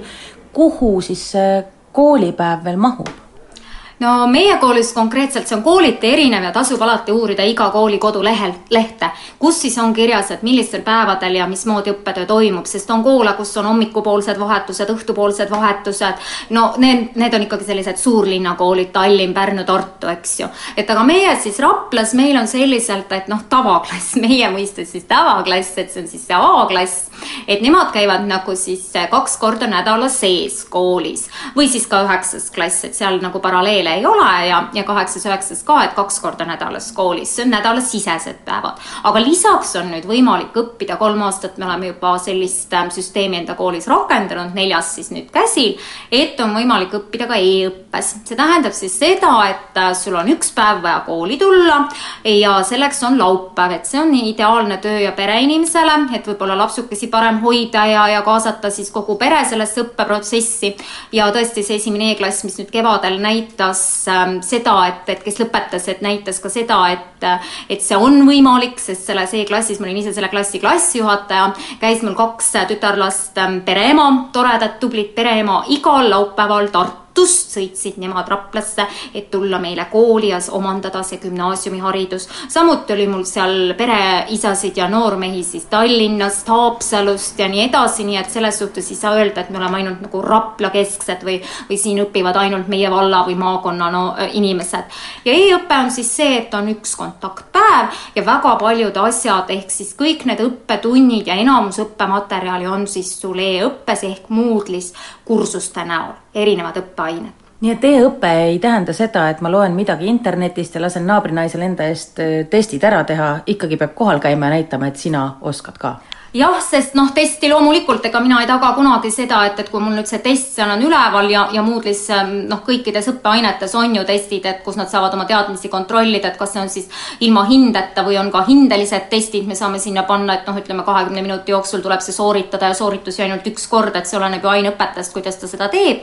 aga muidugi, et, et seal ma ei taga kunagi seda, et tal ei tee seda mees-naine või naabrinaine et, et siin on jah, see ohukoht, aga, aga ikkagi, kui sa õpid iseenda endale, sa tahad edasi minna kuhugi õppima, siis sa ei kasuta seda võimalust. ja teine asi on see, et, et muidugi meil see üks päev näitabki nagu seda, et kui toimuvad need kontakttunnid, sul on võimalik suhelda aineõpetajaga, küsida juurde, kui sul jääb midagi arusaamatuks, täpsustada neid materjale ja samuti toimuvad kohapeal kontrolltööd ehk siis sellised väikesed teadmiste kontrollid, et kui sa seal ikkagi mitte midagi ei tea, aga, aga suurepärane tulemus on saavutatud siis koduses testis, eks ju, noh siis siin on käärid, et, et siis tekib tekib see koht loomulikult, et, et siis peab midagi muutma. aga selliseid petmiseid nüüd, neid ei ole meie koolis nüüd küll niimoodi olnud, et kui palju erineb selline koolipäev ja koolielu siin tavakoolist, et kas klassi ees seista, on see teistmoodi, kui võiks olla siis ühevanuste õpilaste ees, noh näiteks kas tuleb siingi öelda, et paneme nüüd telefonid ära või siis, või siis, et kui hakkab vahetund, siis kõik jooksevad kisaga välja? Äh, jah, mina olen nüüd see õnnelik inimene, et mul on tõesti olemas päevakooli kogemus õpetada ja, ja siis siin. et päevakoolis ma enam ei õpeta, pole aastaid õpetanud, sest äh, minu jaoks nagu ka päevakoolis õpetamine on tegelikult selline noh, suht-koht tüütu rutiin. et äh, mulle meeldib õpetada sellises vabamas vormis, et tõesti see kellahelin ähm, ei ole see, mis alati seda tunni lõppu kuulutab, sest tihti ka vahetund, see kümme minutit, mis on, äh, kulu, kulub veel sellele, et me veel midagi täpsustame, lõpetame, suhtleme, see selline individuaalne töö. Õnneks on meil ka tunniplaanis, et meil on super õppealajuhataja, kes teeb tõesti suurepärast tööd ja, ja tal on väga raske seda tunniplaani koostada, sest meil on ka neid, kes käivad ikkagi mitme kooli vahet ja, ja sa pead ju arvestama, et, et kui ta on seal tööl, siis ta ei saa ju meil olla ja et ühesõnaga on, on raske, aga ta on hakkama saanud ja, ja minu meelest, minu meelest on see töö suurepärane. Et meil on topelttunnid, et, et ka see on nagu minu jaoks see, kus mulle meeldib väga-väga õpetada, et et, et ma, et kuigi on kell, aga ma olengi õpilastega kokku leppinud, et me teeme rahulikult oma tööd edasi me lõpetame vot siis, kui tegelikult kell heliseb nagu tundi sisse ja siis teeme selle väikese seljasirutuse pausi, et te saate siis käia võtta vett ja, ja kellel siis vaja veel mingeid toiminguid teha. et noh, see ei tekita nagu probleemi. siis igasugune selline mobiilid, asjad, see tuleb nagu õppeaasta algul panna paika, et et, et me teeme nagu reeglid klassis paika, kuidas see asi on, sest mina oma aines ei ole kunagi keelanud, et, et see telefon ei või sul olla laual, aga palun äh, las ta olla sul hääletu peal. et äh, kuna ma tean, ma olen ju ise pereinimene, mul on kolm last ja, ja ka minul on see telefon õpetajana alati laual, et noh, mul on peres öeldud, et laps helistab ainult siis, kui tal on tõesti äärmine vajadus, et on midagi juhtunud. ja kui ma näen, et ikkagi see tema nimi seal mul plingib, siis ma palun klassilt nagu korraks hetkeks lahkuda pakkuda. et sama ma olen öelnud oma õpilastele, kuna ma tean, et ka nendel on võib-olla vaja töö juurest äh, helistatakse, on vaja midagi küsida, sest meil on olnud ju ka selliselt, et üks vahe oli meil hästi palju Rapla päästekomando poisse siin koolis. ja siis on ka sellist olnud, et nad on, ei ole iga kord õnnestunud tööpäeva graafiku järgselt vahetada. ja siis ta on mul siin vormis tunnis ja, ja ka see tore lällar on tal seal kõrval laual ja, ja kui see ikka, need kellad tööle hakkavad ja, ja õnneks asume meie selle tee ääres siis, kus tõesti see päästeka auto mööda sõidab, siis pool sõidu pealt hüppab see päästja siit oma täies varustuses juba peale ja, ja tormab sellele väljakutsele. et igasuguseid selliseid juhtumeid on ja ja, ja, ja noh, need teevadki nagu sellest koolitööst tegelikult sellise omanäolise töö ja, ja, ja toobki nagu hästi sellised erinevused välja, et noh, see on nagu suurepärane, et mulle väga meeldib. kui nüüd september on alanud ja mõni inimene kuuleb meid praegu, mõtleb ai kurja, mul on see kool tegelikult pooleli, võtan julguse kokku ja lähen. kas siis selleks aastaks on juba hilja, kas tuleb oodata järgmise õppeaastani? no vot, meil on selles suhtes tõesti väga vedanud, et meie koolis ei tule oodata järgmise õppeaastani. et tulge kindlasti, et selles suhtes meie kontingent muutub tegelikult terve õppeaasta jooksul. meile tullakse ära kutsekast või päevakoolist kusagilt ka poole aasta pealt, olgu selleks november või veebruar. me vaatame üle kõik, mis te toote, mis paberit te meile toote, mis hinded me saame üle tuua, millised kursused, millised on teie teadmised, kõik täiskasvanute gümnaasiumid rakendavad sedasama süsteemi, nagu on ka ülikoolidesse, võtta. et selles suhtes ärge kartke, tulge, vaatame kõik teie töökogemused, teie kogemused üle ja te saate endale sealt juurde punkte, nii et selles suhtes, kes veel mõtleb, siis kui täna on siin kolmas september, siis kindlasti võite tulla veel ka seitsmendal, kaheksandal septembril või veelgi hiljem. et selles suhtes me hea meelega, kui klassides vähegi on kohti, et oht on siin võib-olla, et klassis ei ole enam nagu kohta, et vot siis on, on, on see ohumärk, aga, aga muidu tulge kindlasti aitäh, õpetaja Kristi Luik ja meie omalt poolt julgustame ka Rapla täiskasvanute gümnaasiumi tulema. koolil on hea maine, siia tullakse ka lihtsalt päevakoolist edasi õppima ja muide, päris arvestatav protsent läheb siit edasi ka ülikooli. ilusat kooliaastat! aitäh!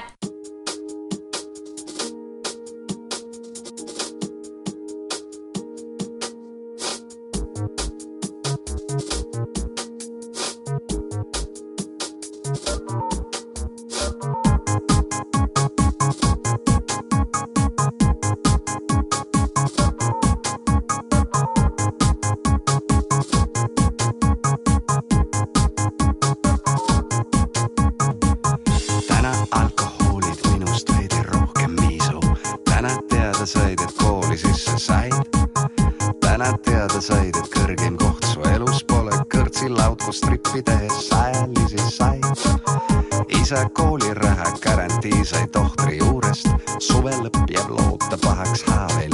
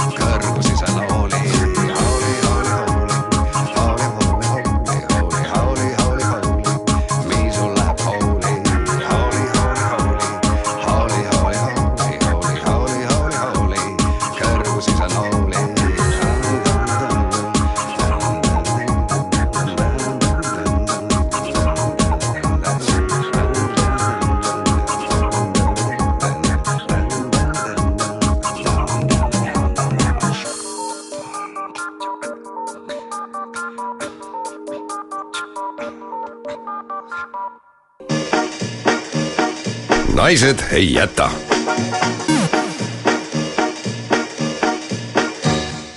ja nüüd on koos Rapla täiskasvanute gümnaasiumi vestlusring, ajame juttu siinse kooli õpilaste ja ka vilistlastega.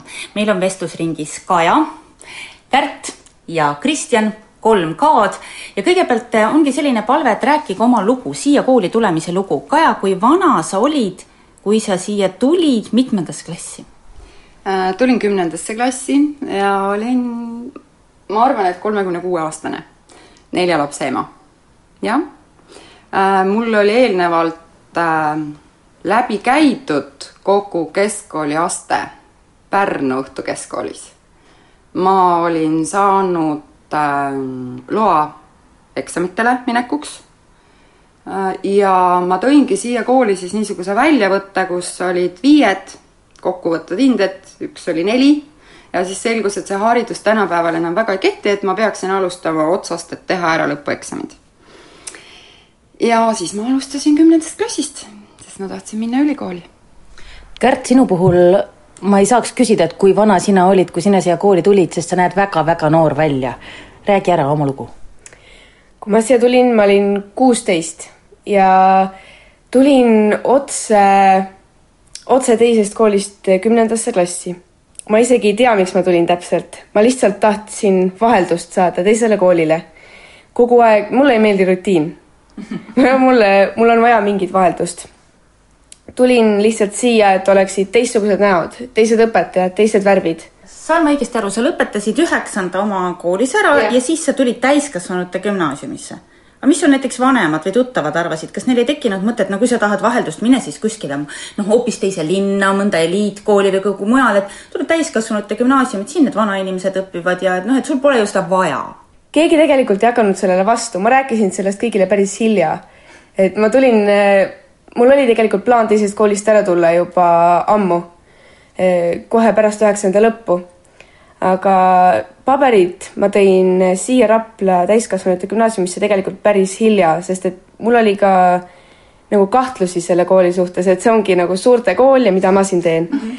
aga siis hakkasid nagu järjest rohkem, hakkasid nagu sugulasi ütlema, et ka nemad käisid siin koolis ja mõned mu vanad klassikaaslased ütlesid, et nad tulevad siia ja siis äh, mõtlesingi, et siin on mul mõned tuttavad, siin on teised mul käinud, ma saan küsida ja ma tean. Ja et siin on mul kodule kõige lähemal. aga Kristjan, sina, kuidas sina siia kooli sattusid? ma töötasin Juuru lastekülas kasvatajana ja see eeldab keskkooli paberit. aga mul oli see lõpuga nagu vanast ajast jäänud nii-öelda vajaka. ja siis tulin kooli, see oli esimene niisugune motivatsioon ja, ja muidugi siis ma sain aru tegelikult, kui kaua see mul on tagakuklas tiksunud. Kui oli keegi, kes nii-öelda mulle palka maksab ja ütleb, et kuule, tee see ära ja kui see on omandamiselt, siis keegi sind siit töölt ära ei aja. no ja läksin ja sattusingi siia. kui pikk vahe sul jäi niimoodi õppimisel, et kui vana sa olid, kui sa siia tulid? ma läksin kaks tuhat üks sõjaväkke, enne seda käisin gümnaasiumis. et see on, see on päris pikk vahe, viisteist aastat vist et jah, üheksakümnendatel olin oma arust juba päris täis mees lõpu, lõpus, eks ju. noh, nii-öelda see on see ainus vanus, kui arvatakse, et teab kõike inimene, eks ju. jaa, muidugi. ja muidugi peale sõjaväge oli ikkagi, hakkas see taustal nii-öelda tiksuma see trumm, et tee edasi oma asju, kuna ma tegin Hiiumaal kutselise kaluri eksami ja, ja neid pabereid tuli nagu sinna peale, aga vundament nagu logises. see kivi oli paika panemata ja, ja vaatasin, et tuleb, sotsiaaltööga tuli see pedagoogika paber peale ja no niisuguseid väikseid niisuguseid diplomi moodi asjakesi tuli ja, ja siis mõtlesin, et aga midagi on ikkagi puudu all. et ja ma ei saa päris nii vabalt valida, kui saab see, see, kellel on see gümnaasiumitunnistus ikkagi korrektselt mhm. olemas. aga sa ütlesid ka, et see mõte tiksus sul kuklas kaua, kui sa lõpuks jõudsid. on sul meeles äh, kolm aastat tagasi, kui sa siia tulid, oli hirmus ka või kas see, kas see oli õudne eneseületamine, et sa lõpuks võtsid ennast kätte, sa tulid kümnendasse klassi, olles ise kolmekümne kanti mees? jaa, tähendab mul on nagu päris äh, suur äh, õnn olnud, äh, et minu as-, minu juurde on tulnud see, see kümnendasse klassi minek nüüd selles eas just sellel momendil, kui mul on olnud eelnevad aastad teatud kasvamist teatud suunas, eks ju, just väljapool võib-olla sellist mm, materiaalsust, aga just sisemist kasvamist, et ja ma olen palju üksi rännanud, noh, nii-öelda noh, üksi elanud, eks ju mm. -hmm. Et see, see inimeste sekka tulemine minu jaoks ei olnud probleem. aga minu jaoks oli see probleem number üks, mm, et kas ma saan hakkama, nii palju on möödas. vot see oli number üks probleem.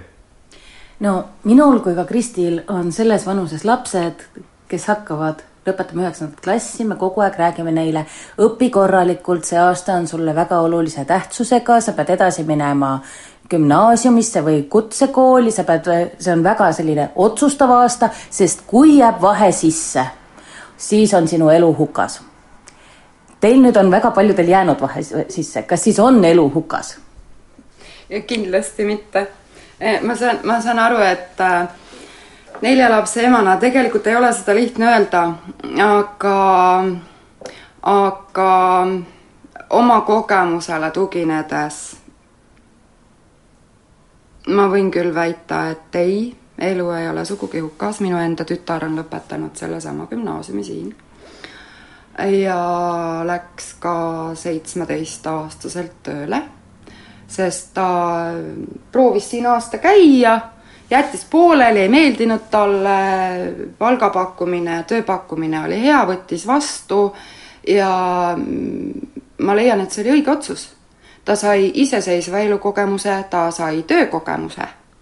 Ja äh, ta tuli kooli siis, kui ta tundis vajadust.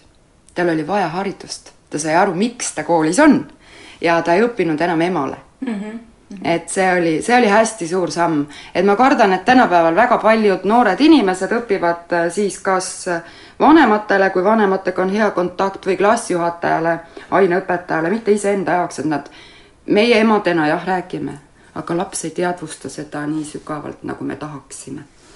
no Kärt, kuidas sinuga on, sina õpid ma loodan, et ikka endale, aga kas, kui klassis ongi erinevas vanuses inimesi, kas on aru ka saada, et osad võtavad seda õppetööd ja võib-olla vanemad inimesed palju tõsisemalt kui, kui nooremad, sinu jaoks on ta lihtsalt järjekordne koolitee noh, etapp, aga on ju neid tõesti, kellel on jäänud paus sisse, kellel on nüüd seda, seda diplomit vaja minul klassis neid ei ole, kellel seda diplomit niimoodi vaja on. et kõik tulid lihtsalt sellepärast, et ennast täiendada, et tahtsidki kaheteistkümnenda ära lõpetada, et enesetunne parem oleks. ja ma ei saa öelda, et nad tõsisemalt seda võtaksid, sest et kõik võtavad seda tõsiselt, nad on tulnudki siia kooli, et eh, saada midagi teistmoodi, et midagi oleks teistmoodi. ja vanematega on just see, et eh, nagu vanemad küsisid nooremate käest, et mida nagu üheksandas tehti, sest et sealt minnakse otse edasi mm. -hmm. aga nooremad vanemate käest nii palju isegi ei küsinud. kui sa tuled otse gümnaasiumist, siis on see õppimine kuidagi loogiline jätk, samas kui sul on juba iseseisev elu, sul on pere, sul on töö, siis on kindlasti märksa keerulisem seda õppimist oma juba sisseharjunud eluga ühitada. kuidas teie, Kaja ja Kristjan, sellega hakkama saite? nelja lapse emana no.. no see, mina tulin sellepärast, et ma tahtsin minna ülikooli ja kuna mul oli selline paindumatu mõtlemine, ma kujutasin ette, et selle nii-öelda nõukogudeaegse äh, hinnete lehega ei ole ülikoolis midagi teha, sest nende kodulehekülgedel oli siis veel kenasti kirjas, et on vaja riigieksami tulemusi. jah, siis ma tulin, tulin sellepärast ja mul oligi see eesmärk oli nii suur ja see tahe oli nii suur, et mina Äh, minu jaoks oli siis prioriteet kõigepealt perekond, lapsed ja järgmine oli kohe kool, mitte töö.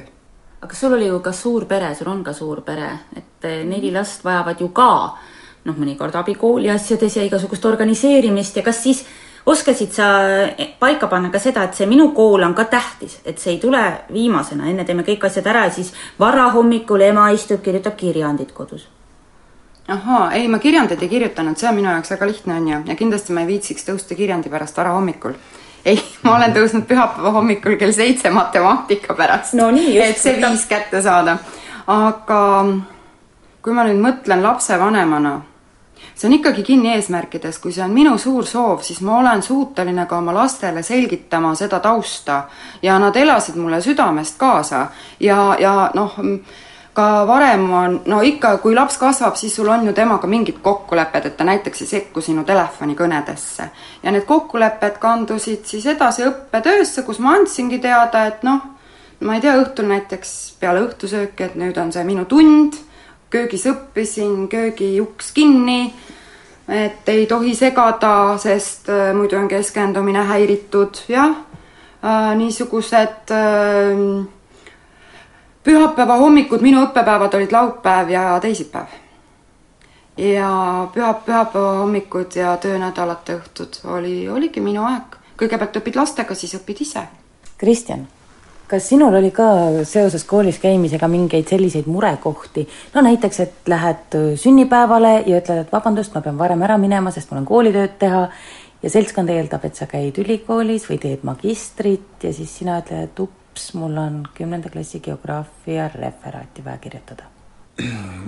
ma võib-olla sellele küsimusele vastamist alustangi sellega, et eh, minu jaoks see kümnendasse klassi Rapla täiskasvanute gümnaasiumisse tulek öö, oli ikka väga õige aeg Ehm, nüüd, kui seda vahe silmas pidades ja seda küpsusmomenti, ma mõtlen just, kui palju on ühele mehele siis vaja, et ta ise aru saaks, kelle pärast ta õpib. ja mille pärast ta õpib, eks ju. ja, ja need sammud on just need, mis tegelikult ju loevad. Ja, ja mina tunnen küll, et ma olin siin enda pärast. Ja see, mis ma siin välja teenisin, ma mõtlen ka Innete lehel, ma olen sellega sada prossa rahul, sest selle ma teenisin noh, vastavalt oma pingutusele välja. ma tean, et ma oleks saanud palju paremini, aga elu on selles selline, et, et vanus on selline, tegemised on sellised, tööd on sellised. Ja, ja nüüd, kus ma siis lõikan, eks ju, on küsimus see. Ja ma tegin otsuse. Ja täna on mul, paber on käes, lõputunnistus on käes ja, ja, ja no kui nüüd uhkeldada, siis täna ma olen ka üliõpilane. mina arvan, et kõik on, noh, ma tunnen, ma ei tea, mis saab homme ja siin koolis olles ka kümnendas ma ütlesin, et ma klassivenna, vennaga rääkisin, et noh, ei tea ja üksteist oli niisugune õpetaja Kaja, eesti keele õpetaja, eks ju, ühesõnaga ütles, et üheteistkümnenda poole peal läheb teil raskeks, eks ju mm. -hmm. ja, ja siis me läksime Allaniga ühe, ühel koolipäeval lõunale ja siis ohkasime seal, kui oli õppealajuhataja meile andnud mingeid lisaaineid Moodles teha, päris suure portsu, eks ju. pluss päevaained ka. Ja siis meil läksid mõlemad silmad punni, olime natuke aega vait seal söögilaua taga ja siis Kajal oli õigus ja et ma ei tea, noh, et sihuke karm, mingid hetked olid, kuigi valdavalt läbi selle kooliaja, selle kolme aasta, ma tahtsin siin öelda, et meil ei olnud klassiõhtuid, eks ju, aga meil oli iga päev nagu klassiõhtu. meil oligi koolipäev ka, ära minnes õhtul ikkagi kõik rõkkasid, naersid, nalja sai palju. ilmselt see vanusevahe, noh, ma mõtlen, see eripära on selline, et enamus meie klassist ikkagi teaksid, mille pärast nad siin on. aga küsimusele otse ja lühidalt nüüd lõppu siia vastates ka, eks ju et, et ei olnud raske. jah, ma pean tunnistama küll inimesena, mõnel mul noh, oli niisugused erodeeritud laua, laua ääres istumisi, kus olid ümber kõik niisugused mitmenda kõrgharidusega inimesed ja võib-olla kunstiinimesi oli ja ja, ja siis, et et ma pean üritusele minema, et Rapla täiskasvanute gümnaasiumis või siin oli üks naisterahvas, kes andis vist õpilastele raamatupidamist, Eve Agi ja mul on temaga kontakt, eks ju.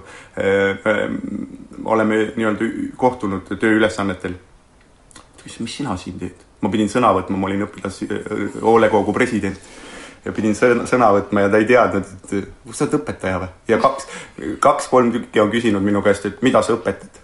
Siis on küll, ma, ma olen õpilane, eks ju. aga samas sa polnud oma klassis kõige vanem ei olnud no., aga ma seda ei toonud ka näiteks, sest see oleks Urmase peale tatsumine. pigem vastupidi, et jube hea on näha, et mis tundega ma seda ütlen. ja iga kord, kui see nii-öelda õppetund minuni tuli, läks seda paremaks, see tunne läks paremaks, kui ma seda ütlesin. ja ma kujutan ette, kaheteistkümnendas oli juba päris popp olla õpilane.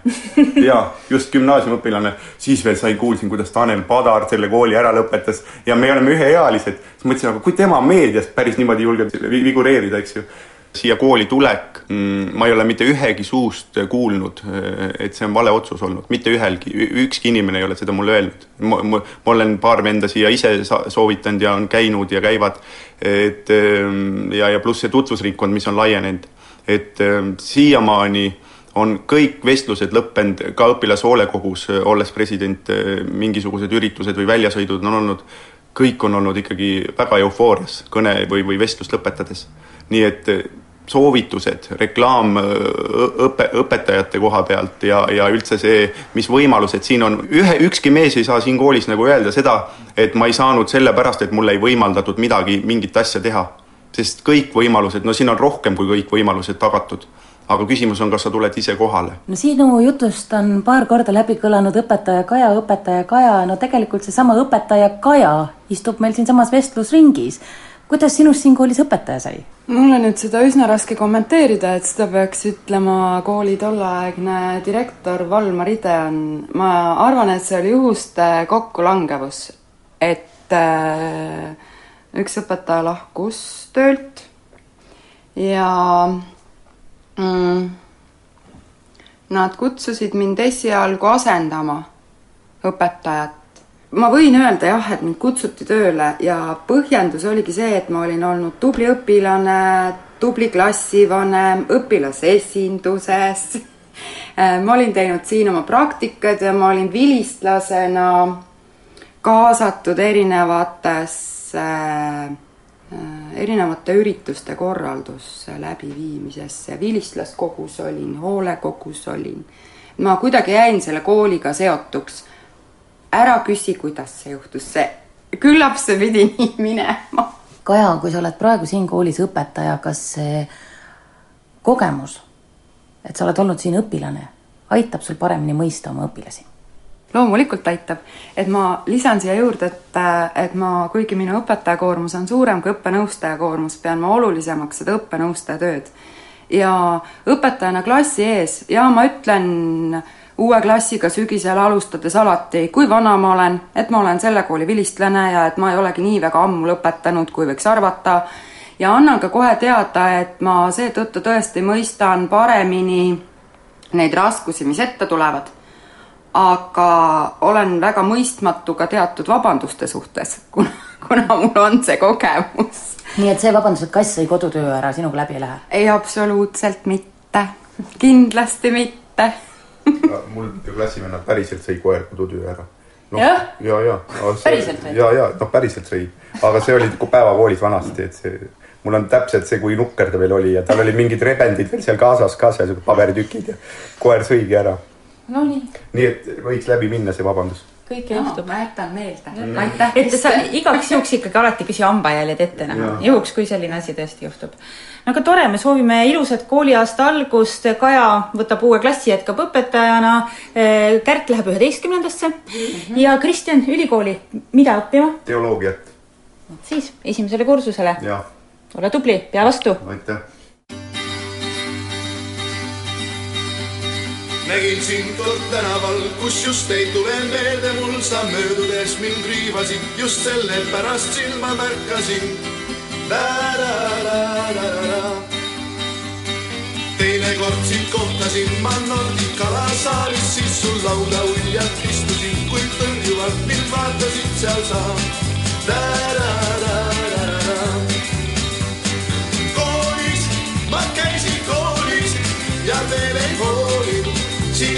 Ta. koolis, ma käisin koolis ja veel ei hoolinud, siis minust ta. kolmandat korda ma ei tea, kas oli seda ülepea, sest kui ka kokku saime need, siis oli päris, päris pime öö.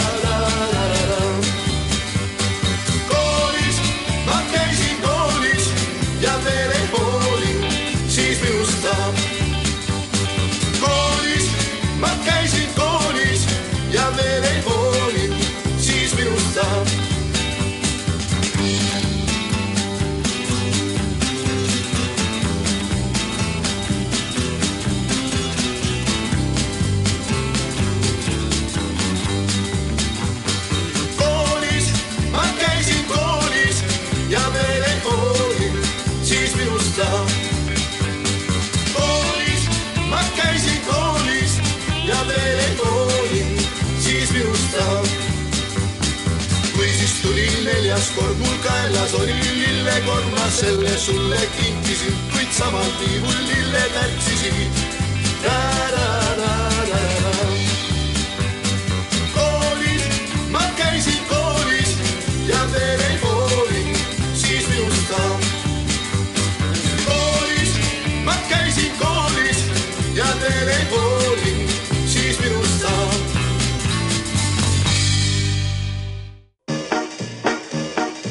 Naised ei jäta.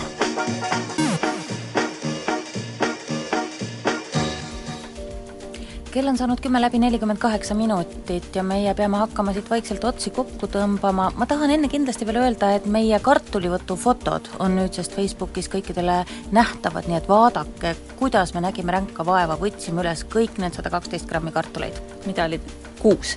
kuus. Ja ma pildi pealt pean kale... vaatama, ega see mälu on tead meie eas, meie eas. see galerii on selles mõttes tore, et ta peegeldab absoluutselt seda, mis toimus, Rando tegi täpselt samal ajal pilte, kui me ka võtsime, see üllatus ja rõõm väikese mugula üle, mis esimesena kerkis sealt potist, see on suur. ja kartuleid oli seitse, kordan, seitse. kartulit, üks, kaks, kolm, neli, viis, kuus, seitse. Ja pluss paprika. pluss paprika. päev on korras. aga et see päev oleks veel parem, siis meil on igasuguseid nõuandeid, mis seda ette võtta, mil, mis sellega ette võtta ja no teate neid igasuguseid suuri pidusid ja festivale, neid te teate isegi, no te teate, et Draamafestival Tartus algab täna, te teate, et Uue Maailma festival on, Estonia teatri ees on laat. teatrilaat ja juba jalutasin eile õhtul läbi linna, kuulsin kaunist muusikat, läksin ligemale Estonia teatri kõrval pargis, tantsisid mitmed inimesed balletti, ilus oli vaadata, siin mm. -hmm. puhkas peas, aga eile nad veel Harjutasid. tantsisid äh, dressides, nii et Jaa, täna on lootust, et äkki täna tantsivad piduriietes. no vast ikka, vast ikka. nii et nende asjade kohta me niimoodi lähemalt ei räägi, sest sellest räägitakse palju ja infot on palju, meie oleme otsinud sellised alternatiivsed vaba aja veetmisvõimalused, mõned neist on kohe sellised, et me väga hästi ei saagi aru, mis see on, näiteks laupäeval, kolmandal septembril kell kaksteist on suurtükitornis Kikinde Kökk, komandandi tee kaks, Tallinn, kavas teemapäev Köitvad köied. Ja sellega info piirdubki, selles mõttes, et on antud telefoninumber ja on antud meiliaadress, salapära Väga, on palju selle jah. asja ümber, jätab fantaasiale väga palju ruumi. Et, et selline teemapäev siis, keda paeluvad köied, Köitvad köied, siis siis- astuge läbi, sellised keskaegsed ruumid ja köied ja pakub palju põnevat. kindlasti aga, aga ülejäänud sündmused tundub, et meil on nagu sellised loomadega seotud, mis on väga head kogupere sündmused. Need on väga kogupere sõrn- sündmused ja tegelikult need haagivad ka meie tänase kergelt agraarse temaatikaga. jah, eks ole. et eh, näiteks eh, no jaa, Põhjakonn, puhas loomaüritus, eks ole. Põhjakonn on jaa, toimub see on Kaitseliidu eh, Kirde maakaitseringkonna õppus, Põhjakonn. jaa, see kõlab väga loomaüritus, ma ei tea, kas sinna kogu perega tasub minna, meie Kristiga oleme küll käinud konnasid abistamas, nii et kui me täna sõidaksime sinna kohale, hakkaks neid konnasid aitama näiteks üle tee, ma ei tea, mida sellest arvataks.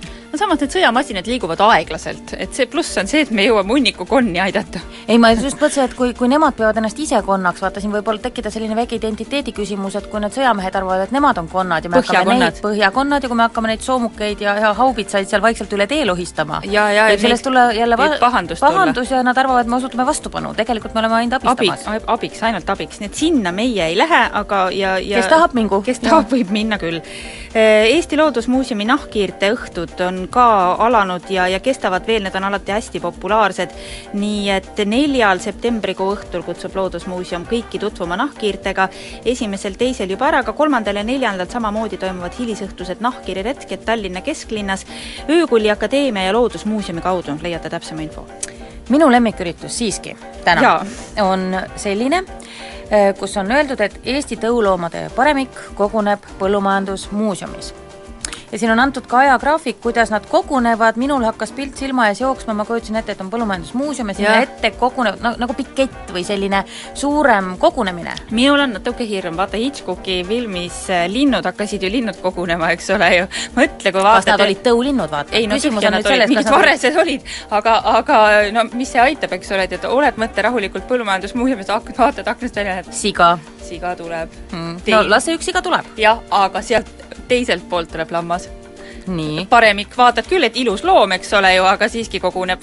Siis härjad paistavad juba, liiguvad, eks ole ju, taamal. salgati. jah, ja siis mõtledki, et mis mina toimub. mõtleks selle peale, et kas hommikused rohud on võetud, kui ma näeks, et loomad kogunevad, et siis tekiks nagu vaimse tervise pärast mure, aga kui sa oled veendunud, et nad tõesti kogunevad, siis ma võin anda inimestele ka ajakava, et see raam on ette antud, et, et Mis? teada. Et niisama suvalist niisama, ei, ei ei, ole. ei, siin on, on ornung on majas nagu laulupeol, vaata, kui laulupeol käid, siis öeldakse, et allid kogunevad mm -hmm, torni poole mm. -hmm. nii, ja palun siis nüüd teine hääl sinna, sama, samasugune ornung. et algab see äh, niimoodi, et kaksteist null viis, lambad. nii.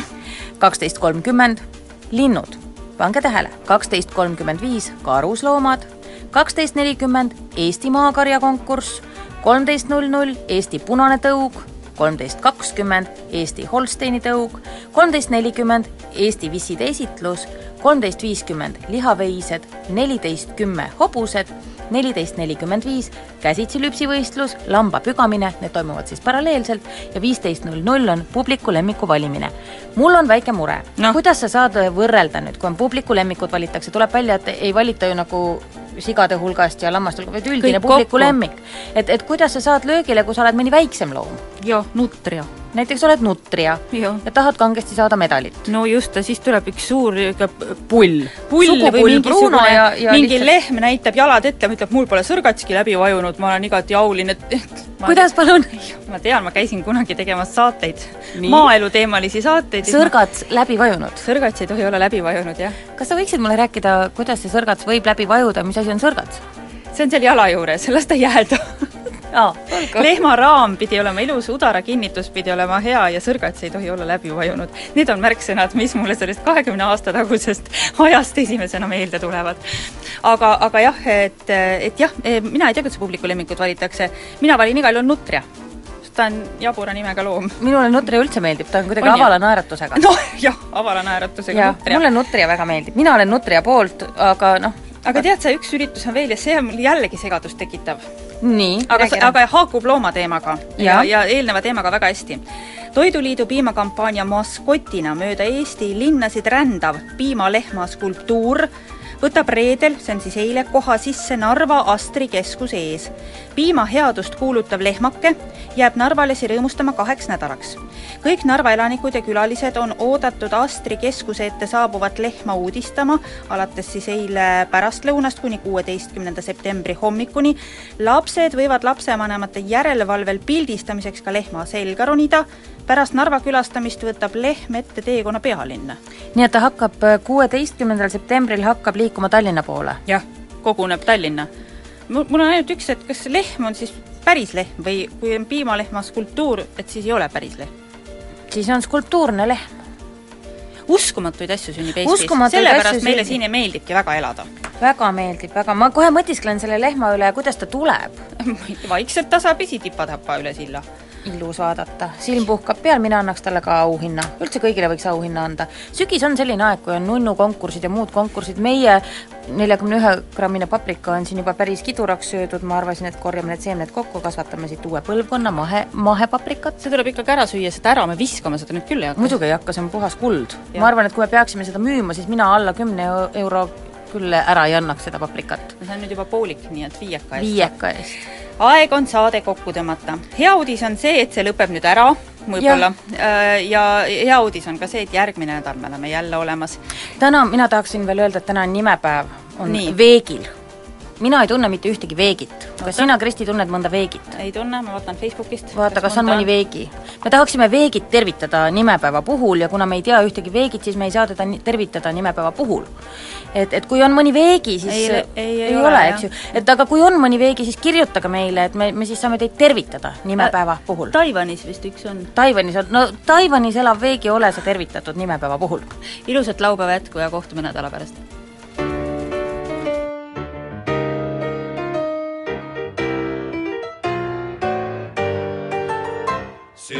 Sügisöösel venna ukse taga öönil pime, veel ei laula kukk. vend seal magab, aga me ei maga. venna uksel ees on snepperlukk, kes küll mõistaks põrsa hinge vaevu, kes saaks aru meie muredest.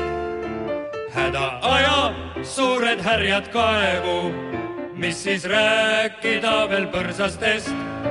läbi seinte venna paksu naha, pole kuulda meie kaebe häält. meil on külm ja kurb ja väga paha, aga vend ei lükka tekki pääl. vend ei tule, vend on uhkeks läinud, talle maja tähtsam kui kõik muu. sellist siga pole ma veel näinud öelda venda kohta tõrgub suu. sügisöösel venna ukse taga ööni pime, veel ei laula kukk. vend seal magab, aga me ei maga. venna uksel ees on snepperlukk. vend seal magab, aga me ei maga venna uksel ees on snepperlukk.